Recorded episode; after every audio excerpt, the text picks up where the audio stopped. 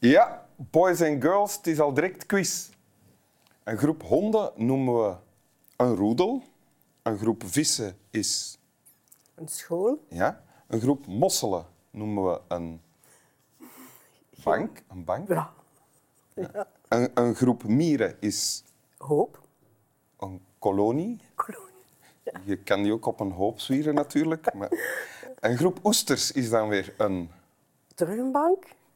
Turnbank, een bed. En de mooiste van allemaal, een groep uilen. Mensen thuis mogen ook meedoen natuurlijk. Een groep uilen noemen we een Dat zou ik echt niet weten. parlement. Oh, Mooi, hè? nee. 1 op 5. 1 op 5.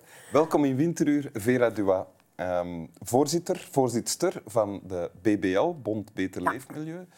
En Bond Beter Leefmilieu is een koepelorganisatie voor alle milieuorganisaties van Vlaanderen. hè? Ja. Ehm, van vorming bent u eh, bio-ingenieur, Ja. of wat we nu bio-ingenieur noemen. En u was dan ook gedoctoreerd en academicus. Dan zijn ze komen weghalen. Bent u de politiek in beland Ja. bij Agalev en Dan Groen, waar u voorzitter bent geweest. En minister van Landbouw en Milieu ook. Ja. ja. En u bent ook mama en vogelkijker. Altijd. En oma. En oma. Oma. Ja. Ja. Van hoeveel kleinkinderen? Twee. Ja. Voilà. En u hebt een man die heet Peter.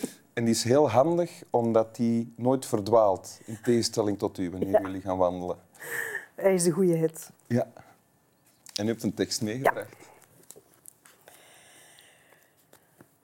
Verzet begint niet met grote woorden, maar met kleine daden. Zoals storm met zacht geritsel in de tuin of de kat die de kolder in zijn kop krijgt. Zoals brede rivieren met de kleine bron verscholen in het woud. Zoals een vuurzee met dezelfde lucifer die de sigaret aansteekt. Zoals liefde met een blik, een aanraking, iets dat je opvalt in een stem. Jezelf een vraag stellen, daarmee begint verzet. En dan die vraag aan een ander stellen. Ja. Een helder gedicht. Hè? Ja, van Remco Kampert. Ja. Hebt u lang moeten nadenken toen we vroegen... eh, Dit was het eerste dat door mijn hoofd ging. Ja? Ik heb dan allerlei andere dingen in overweging genomen en uiteindelijk ben ik terug beland bij dit. Hierbij beland. En wat staat hier? Wat, wat leest u hierin? Ha, ik, eh, ik vind het een, een knap gedicht en, eh, ik, over een thema dat mij zeer nauw aan het hart ligt. Eh, en ja, de boodschap is eigenlijk van... Welk thema is dat? Is dat thema verzet of verandering? Of, of wat is, hoe zou je dat... verzet met het doel om de maatschappij te verbeteren. Zo Ja. heeft hij ook bedoeld, denk ik. En eigenlijk zegt hij, als er iets is dat verkeerd gaat, eh, blijf kritisch, stel vragen. Het begint allemaal klein, maar stel vragen. Stel ook een vraag aan de anderen. En zo kun je een beweging maken en kun je de samenleving veranderen. Ja. En denkt u dan aan iets specifieks in uw leven dat, dat is gebeurd? Of dat Oh, er zijn zoveel momenten waarop dit van toepassing eh, is of kan zijn. Maar recent eh, heb ik eh, daar heel erg moeten aan denken. Ja? Op het moment dat ik, dat was in december, ja, juist voor de coronacrisis, 2019. Ja? Toen er overal ter wereld klimaatbetogingen waren van allee, werkelijk miljoenen mensen, ook in Brussel, met tienduizenden. Liep toen daar ook ergens En tussen? eh, ik liep daar ook tussen. Ja. En eh, heel ontroerd, omdat er zoveel jongeren waren. En toen moest ik denken aan eh, tien jaar terug, vijftien jaar terug, ik weet het zelfs niet meer, dat, wij, ja, dat ik meeliep in een klimaatbetoging. waar we blij waren dat we met 100, 200 mensen waren die achter een spandoek liepen. Ja? Dus dat was heel, heel zacht geritsel. Ja. En dan zie je plots dat dat zo'n storm van protest is. Ik vond dat heel...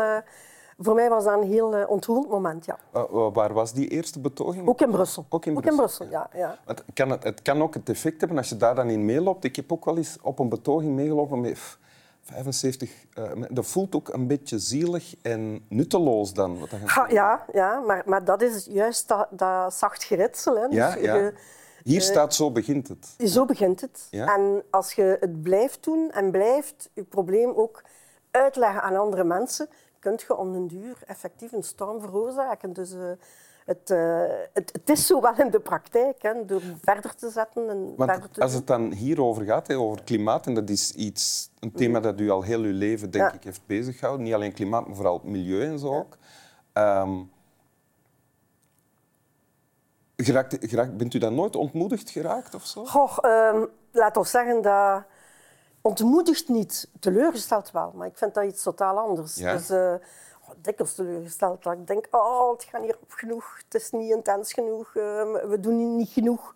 Maar eh, ik, eh, ik vind het altijd zeer hoopvol dat er mensen zijn die de fakkel ja, dat, dat kunnen doorgeven aan anderen. Hè. Als er jonge mensen zijn die nu op straat komen, dan heb ik zoiets van, oké, de toekomst is een stuk verzekerd. Ja, want ik, ik vraag me af nu, de tijd waarin verzet bij u begon, waar het dit thema betreft, hè, dat was dan jaren 70, 80. Ja, zoiets. Ja, Ja. Is er dan veel ten goede veranderd, naar uw gevoel? Goh, de- natuurlijk, het waren andere problemen ook. Hè. Dus, eh, de problemen waar toen voor gemanifesteerd werd, dat was dikwijls luchtverontreiniging, waterverontreiniging. Zo heel direct. eh, Heel direct en lo- lokaal Ja, lokaal. En Ja. daar kon je ook mensen voor mobiliseren.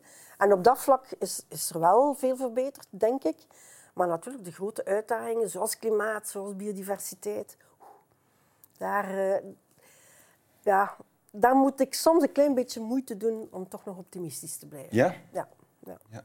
Ik hoop dat we niet te laat zijn.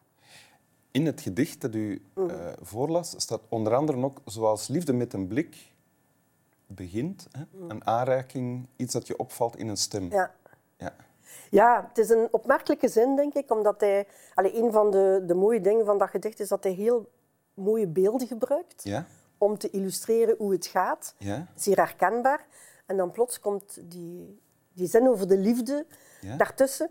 Eh, ik kan natuurlijk niet in het hoofd van de dichter kijken.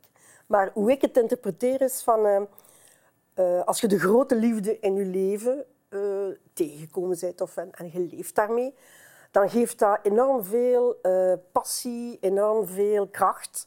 Dan heb je zo het gevoel, ik kan hier bergen verzetten. Mhm. En als je deel uitmaakt van een beweging die zo stilaan ook echt groter wordt en ik kan dezelfde, het is niet helemaal hetzelfde natuurlijk, maar je kan ook de passie en de kracht voelen van zo'n beweging. Dat je je En- en in die zin- gesteund voelt door elkaar. Ja, ook, dat je Ja. echt, dan heb je ook zo het gevoel, ja, ik, ik kan hier bergen verzetten. Dus misschien bedoelde hij dat, maar ik interpreteer het zo. Bent u al lang samen met de al eerder vernoemde Peter? Ja, ja, ja toch al eh, een paar decennia. Ja, en is dat ook letterlijk begonnen met een blik die u zich nu nog herinnert? Eh, eigenlijk wel, ja. ja. Ik was eh, assistent en hij was student bij mij. ah, Maar het is maar begonnen als hij afgestudeerd was. ja, ja, natuurlijk, natuurlijk. Want ander, enfin, wil je het nog eens voorlezen? Ja. Verzet begint niet met grote woorden, maar met kleine daden. Zoals storm met zacht geritsel in de tuin of de kat die de kolder in zijn kop krijgt. Zoals brede rivieren met een kleine bron verscholen in het woud. Zoals een vuurzee met dezelfde lucifer die de sigaret aansteekt. Zoals liefde met een blik, een aanraking, iets dat je opvalt in een stem. Jezelf een vraag stellen, daarmee begint verzet. En dan die vraag aan een ander stellen. Dank u. Slap wel.